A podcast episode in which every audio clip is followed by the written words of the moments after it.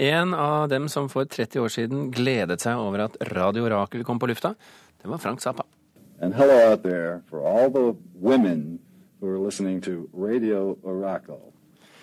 Førstkommende tirsdag 16. oktober er det 30 år siden verdens, ja, vel i hvert fall det man tror er verdens første kvinneradio, gikk på lufta. Og i 30 år har kvinner drevet radiostasjonen på toppen av Blitzhuset i Oslo. Vi snakker om Radio Rakel, som du har skjønt. I dag kommer også boken Farlig feminin 30 år med FM-inisme på Radio Rakel. En av redaktørene i boka er deg, Ingrid Lamark. Hvorfor feire radio med en bok? Hvorfor feire radio med ei bok? Vi har spurt oss det sjøl. Vi har sagt at eh, radio er jo ganske esoterisk, ganske flyktig. Um, du spurte meg i stad om vi følger arkivlov, arkivloven. Jeg kan nå si på riksdekkende radio at nei, vi har ikke fått til å gjøre det. Så mange av Radio Rakel sine sendinger har vært på lufta én gang, og de eksisterte bare den ene gangen, eventuelt på noen støvete lydbånd som står i oransje pappomslag på et loft som ingen lenger har, har avspillere til. Så Derfor så fant vi ut at vi skal lage noe konkret og noe håndfast som skal handle om Radio Rakel, som man kan se på og ta på og bla i. Det er kanskje kaotisk i arkivet, men dere har i hvert fall klart å spore opp den første sendingen for oss, og eh, nå skal vi få høre litt av den. I dette aller første programmet vårt vil vi gi en kort presentasjon av Radio Rakel, fortelle hvordan det hele kom i gang, hvem vi er og hvordan vi har tenkt å bruke sendingene hvilke faste poster vi har satt opp, osv., osv. I dag sender vi fram til klokken 16, og det dere vil få høre, er annet et innslag med Sex på gaten, en liten overraskelse som handler om kvinnekroppen, og et program fra Delfi kvinnekultursenter som har tilholdssted i Pilestredet.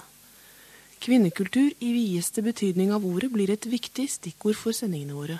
Og Derfor har vi lagt klar en plate fra Kvinnekulturfestivalen i Oslo i 1979. En av de som var med i denne første sendingen, eh, er en som flere hundre tusen NRK-lyttere kjenner, nemlig Hege Øygarden. Ja, hei. Hvordan var det å høre dette? Å, det, var, det er rart. Det var veldig ordentlig, veldig alvorlig å lage kvinneradio. Eh, jeg hører nok både at eh, stemmebruk og tema endret seg ganske fort etter den første, første sendingen. Snakke litt fortere nå? Ja, gjør det, altså.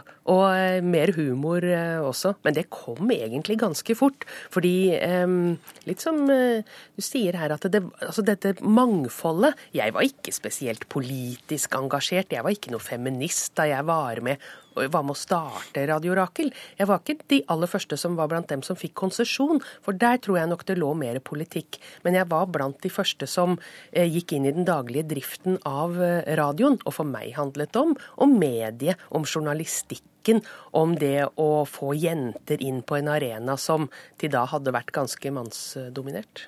Men uh, hvis vi går tilbake til 1982, NRK-monopolet er brutt. Hvorfor ble kvinneradio en av de første radiostasjonene?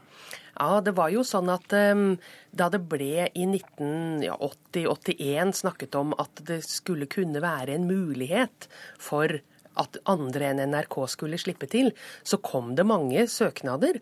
Og eh, de fleste av dem var fra menn. Og da Rita Vestvik og hennes kumpaner eh, la inn sin søknad, så skrev de at nå har departementet sjansen til å rette litt på dette. Her kommer det noen kvinnestemmer. Og jeg tror noen falt for det. Kanskje Lars Roar Langslett selv, som var kulturminister den gangen. Han var jo veldig fornøyd med at det ble til, i hvert fall. Han var veldig fornøyd. Han var, eh, han var en god støttespiller, han egentlig for, eh, for alle nærradioene, men vi følte han hadde et lite hjerte for oss òg. Ingrid Lamark, hvordan er det for deg å se tilbake på starten av denne kanalen? Jeg syns det er og har vært når vi har jobba med denne boka, fantastisk inspirerende å få lov til å se såpass langt tilbake i tid. Ikke til forkleinelse for noen, men det er en stund siden. Um, og det å kunne gå inn i den materien og gå inn i det som bl.a. Rita Vestvik sier i, sitt, i, et intervju som er gjengitt i denne boka, at hun visste jo ikke hvordan det kom lyd ut av en radio. Og de hadde fått denne konsesjonen, og hun la seg i vannsenga og var helt fortvila, for at hun ante jo ikke hvordan det skulle komme lyd ut av det her. Og det å kunne gå inn og se på det å ikke kunne medie, men allikevel ha ganske mange intensjoner, har vært utrolig inspirerende når vi har lagd, eller prøvd å lage denne boka. For, for, dette er jo pionerer i norsk feminisme. Hva syns du om det i dag?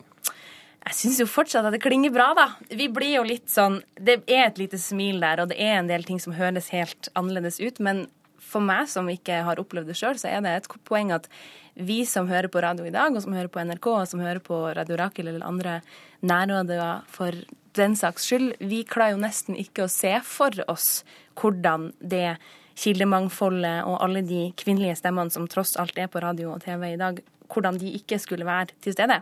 Jeg sier jo ikke at det ikke var kvinner i radio eller TV eh, før 1982 i det hele tatt, men det å lage en kvinneradio som var såpass dedikert til at kvinner skulle høres, er jo fortsatt veldig relevant. For, for dette var vel Hege Garn, en av de viktige kampene for dere, å få flere stemmer på, altså kvinnelige stemmer på radio? Ja, det var viktig. Og derfor så var vi eh, veldig opp, oppsatt på å kurse alle. Enten det var i teknikk, eller det var i stemmebruk, eller det var i journalistikk. Eh, enda vi kunne ikke nødvendigvis så veldig mye av dette, noen av oss, men vi prøvde å tilegne oss det så godt vi kunne, og stadig da lære opp eh, flere. Og alle i Radio Rakel skulle f.eks. kunne klippe i bånd. Og da jeg et par år senere kom til NRK, så, så, var det helt uhørt at det kom en journalist som selv kunne klippe sine bånd. Var det noen som det... følte arbeidsplassen sin truet? Ja, det kan vel kanskje hende. Noen ganger så føltes det litt sårt i Radio Rakel at her kom det noen inn som vi lærte opp, og så forsvant de ut. Enten til andre nærradiostasjoner eller til NRK. Men eh, hele tiden måtte vi minne oss om at det er jo dette som er planen. Det er jo dette som er meningen med det hele. For, vi, for Hvis vi ser på denne listen av mennesker som har vært i hvert fall noen noen av dem som har vært igjennom, eh, vært igjennom eh, Radio Rakel, så virker det jo som nesten alle jobber i NRK i dag. Ja. Eller er mennesker vi kjenner fra et eller annet sted. Ja, du, jeg er helt overrasket når jeg ser den listen. Her går jeg blant kolleger i NRK og ante ikke at de har en fortid i Radio Rakel, fordi den fortida kom litt etter meg. Men, eh, men det sier jo litt om de mulighetene Radio Rakel har skapt for jenter opp gjennom tida. Og så er det jo sånn at vi hadde jo med gutta også, så sånn sett var vi en veldig moderne, feminin radio, altså. Det var jo ikke sånn at gutter ikke hadde adgang. Vi var kjempeglade i gutta våre. Ja, så lenge det var under en tredjedel.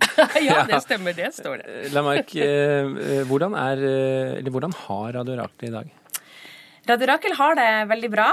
Hun er blitt peppermø, men fortsatt like blid, som vi skriver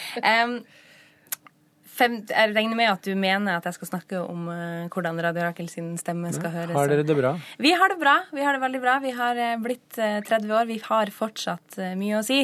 Det er litt av poenget med å lage denne boka her, det å samle de historiene som har vært de første 30 år, og kanskje med det inspirere til de neste 30. Men du, og, ja. har dere penger? Nei. Nei.